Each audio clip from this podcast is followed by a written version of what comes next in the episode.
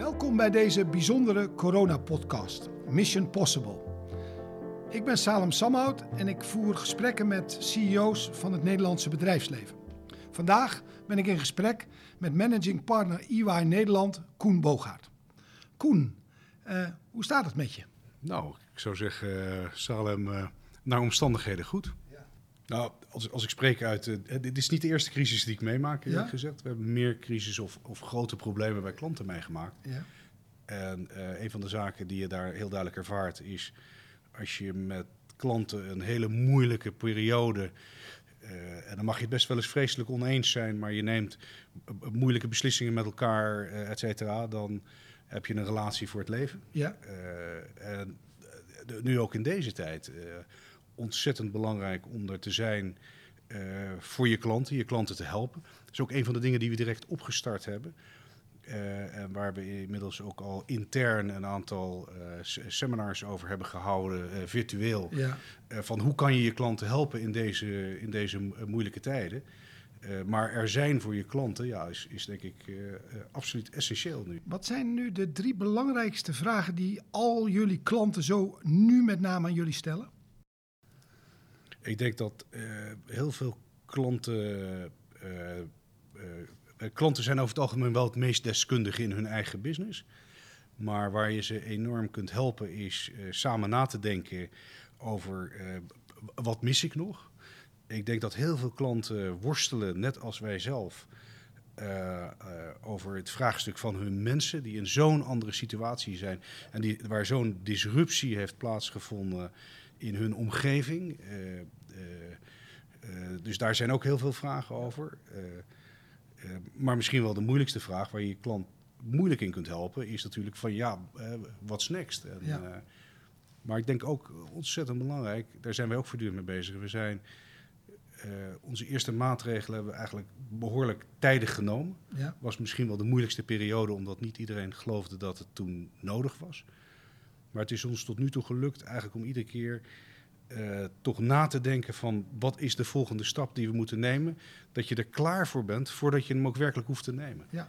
Ik heb uh, nog een andere vraag. Er zijn uh, nu heel veel bedrijven die afhankelijk worden van de overheid, maar ook van bankiers. En ik weet dat jij accountant bent geweest van volgens mij alle grootbanken in Nederland. Wat voorspel jij wat het gedrag van de bankiers gaat worden de komende maanden? Als ik nu gewoon ehm, kijk naar de opstelling van de bankiers, uh, dan denk ik dat uh, dat een wereld van verschil is als je dat vergelijkt met het verleden. Ik vind dat bankiers zich enorm open opstellen om, om niet om hun eigen zaken veilig te stellen, maar vooral om cliënten door deze hele moeilijke periode heen te helpen. Ik, ik bespeur echt dat bankiers uh, heel erg hun maatschappelijke verantwoordelijkheid nemen in deze lastige crisis. Uh, banken hebben al bepaalde, hoe zeg je dat, wanbetalingen geven ze meer vrijheid om later te betalen, et cetera. Ja. Dus, ja. dus vanuit jouw perspectief zeg je Nederlands bedrijfsleven, je kunt best wel een beetje vertrouwen hebben in het gedrag van de banken naar de toekomst toe? Ja, ik denk dat banken uh, over, over zij ook niet uit helemaal gespeend van eigen belang. Ik geloof dat banken er heel erg in zitten dat wij met uh, dat zij ook hun klanten door deze hele moeilijke periode uh, heen moeten helpen. En dat zij daar ook beter mee gediend zijn dan dat er allerlei faillissementen zouden plaatsvinden. Dus er zit een welgemeend eigen belang om de klanten goed te helpen. Ik, ik denk dat, ik noemde eerst het maatschappelijk belang. Ja. Uh, en uh, ik, ik, denk daarna dat het heel goed is als het maatschappelijk belang ook wel ergens uh, klopt in de hele bedrijfsvoering van een bedrijf. Dus ik denk dat ze dat op dit moment uitstekend laten samengaan. Wat is voor jou zelf nu de moeilijkste vraag die jij jezelf nu stelt? En misschien kan ik je daar nog een beetje mee helpen. Nou, ik denk de moeilijkste vraag is: wat is de volgende stap? Ja. Ik ben net, kom net uit de Raad van Bestuur. Daar hebben we daar uitgebreid met elkaar over gesproken. Eh, eh, en, en ja, ook de voortdurende stap, eh, of de, de, de, voortdurende vraag, wat mis ik? Ja. En, en, en heb, ik wel, heb ik wel aan alles gedacht? Ja. Die vraag stel ik ook aan iedereen. Ja. heb ik jou afgelopen weekend ook ja, precies, gesteld. Ja. ja misschien uh, toch vanuit uh, wat de volgende stap is, denk ik. Je moet nu de gevoelsbarometer inzetten om te weten wat zijn de gevoelens van de mensen. Want er zijn uh, mensen die bezorgd zijn, mensen die boos worden, mensen die blij, die heb je ook nog. En dat, de gevoelsbarometer van je organisatie moet je weten, want hier in de hoge toren waar we nu in zitten, weet je niet wat nu bij de mensen thuis gebeurt. De tweede, denk ik, uh, is je moet toch ook plannen maken voor de toekomst. En de derde is, welke innovaties ga je versnellen en welke ga je ook stoppen? Dus radicalere keuzes maken als je normaal gesproken gewend bent.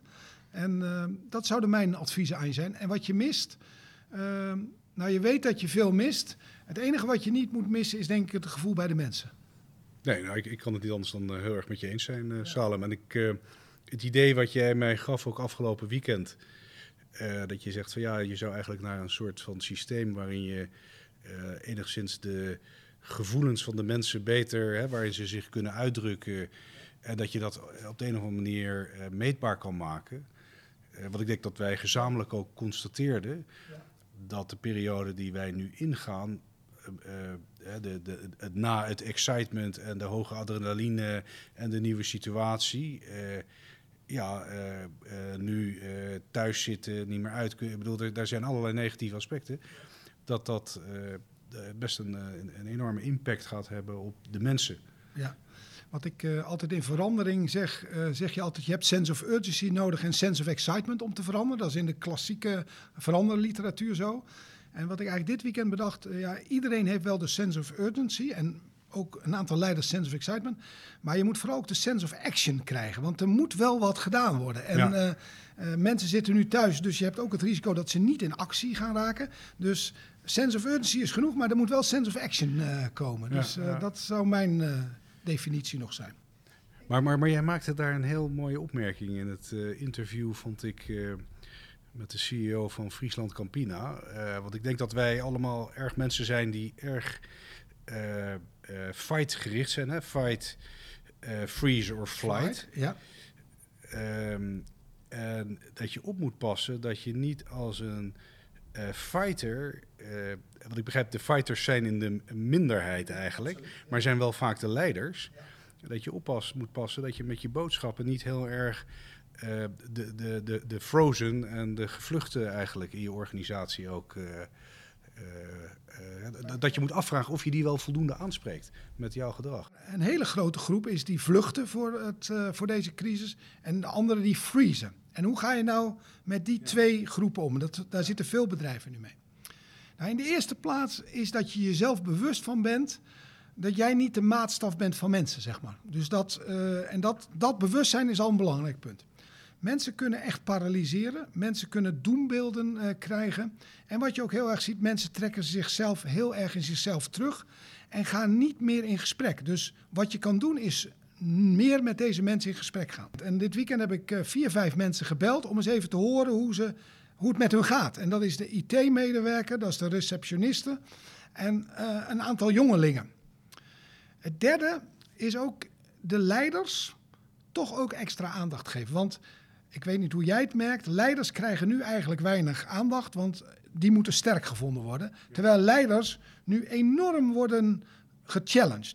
En eh, uit onze gevoelsbarometer, waar, uh, waar we het gevoelens van mensen uh, meten, zien wij nou al dat onze senioren, onze partners, zijn eigenlijk het allerdrukste, hebben nu te veel werk.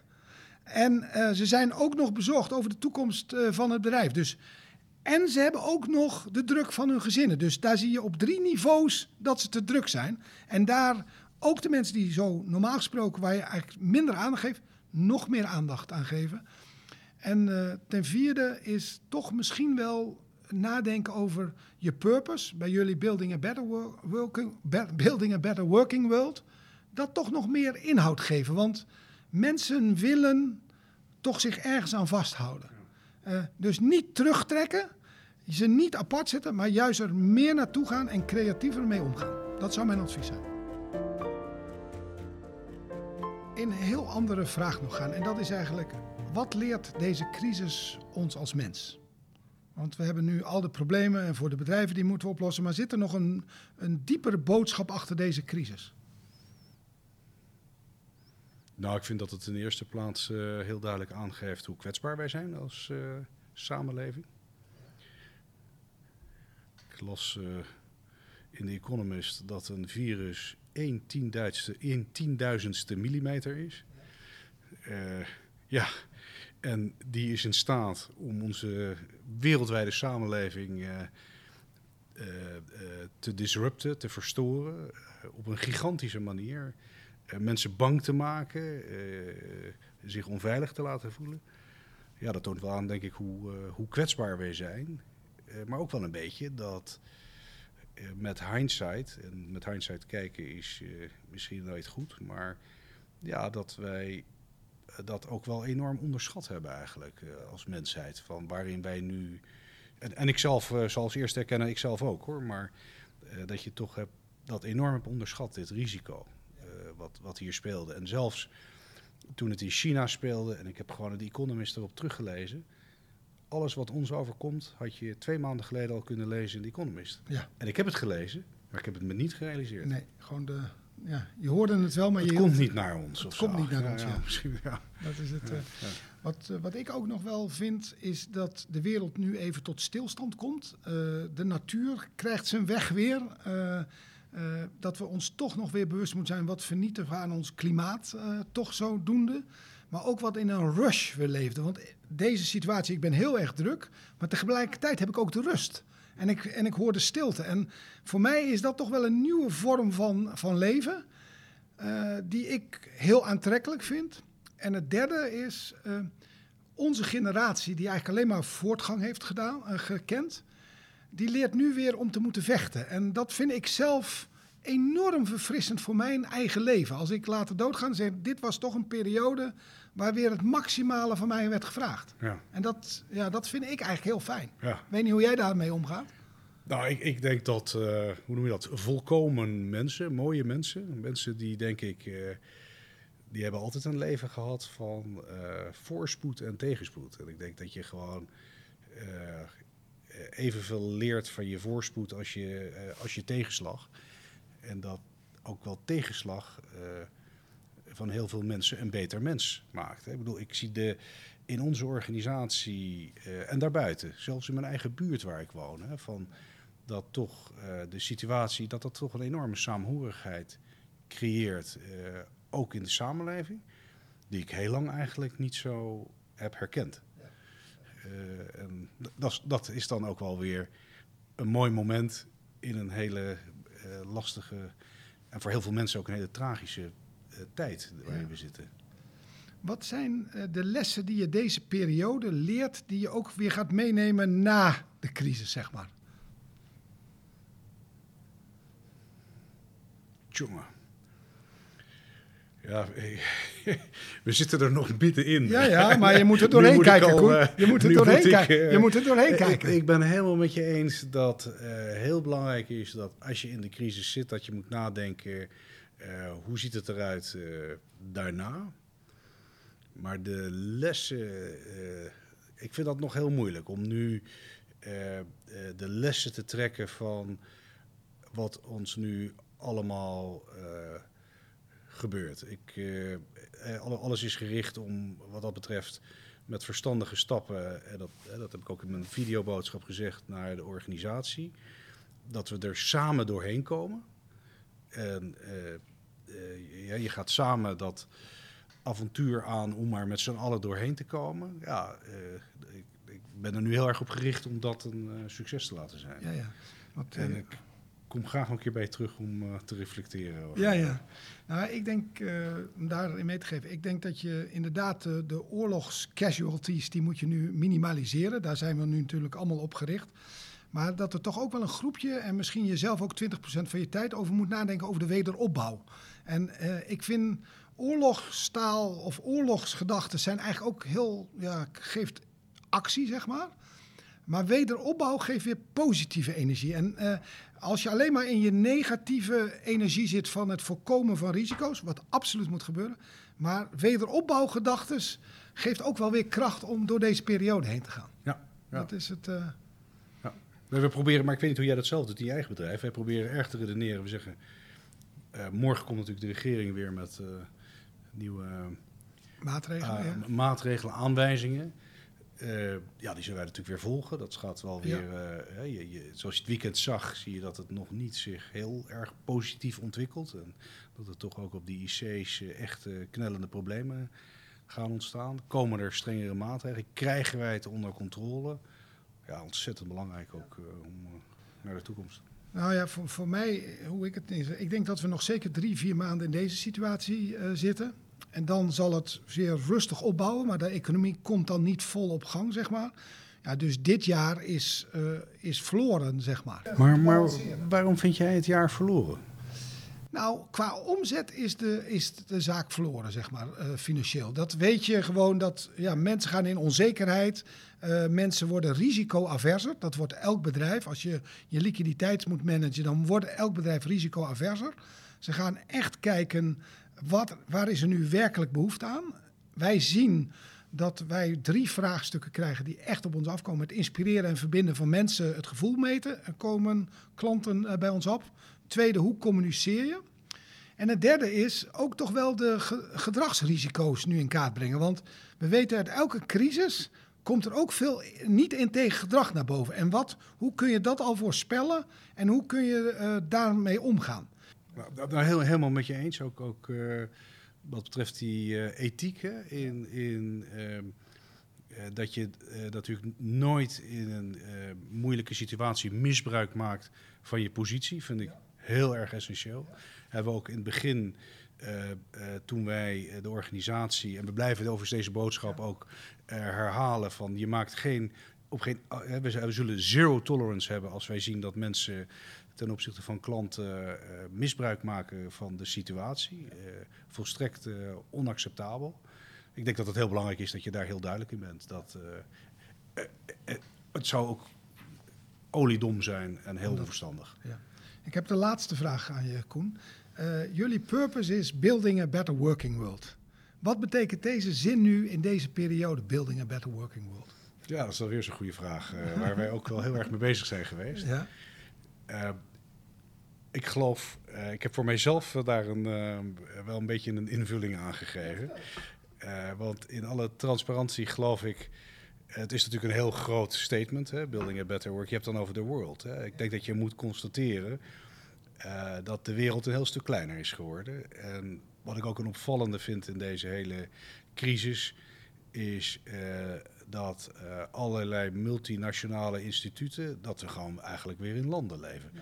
En ik ben in EY een, een, een, een maar een kleine speler in een enorme grote wereldwijde uiteindelijk zie je dat EY weer uit landen bestaat. En dat de uh, landenbaarsjes eigenlijk gewoon op dit moment de crisis heel erg uh, uh, managen. terug naar jouw vraag. Ik zie dus wel Building a Better Working World. dat, dat wij die heel erg toepassen in, nu in onze eigen functioneren en in waar we mee bezig zijn. En dat is dat wij ook heel erg nadenken van hoe kunnen wij uh, hè, natuurlijk, ik heb gezegd, mensen in veiligheid. we moeten zorgen dat het bedrijf doorloopt. Maar hoe kunnen we daarbij ook een bijdrage leveren vanuit onze maatschappelijke verantwoordelijkheid? Daar zijn wij vooral ook in Nederland mee bezig. En daar zijn ook hele mooie kleine en grote voorbeelden. Zo, zo hebben wij geholpen bij Redje Boeketje. Ik weet niet eens precies of ik het goed zeg. Ja. Maar dat mensen, nou, dat zijn dan kleine dingen kleine dat ik denk van, nou ja, dus uh, we, we, we, doorleven de purpose nog steeds. Maar ik heb wel het gevoel dat hij nationaler is geworden. Oké, okay, dankjewel. Dankjewel Koen voor deze mooie podcast. Je hebt ons mooie inzichten gegeven. Uh, dankjewel.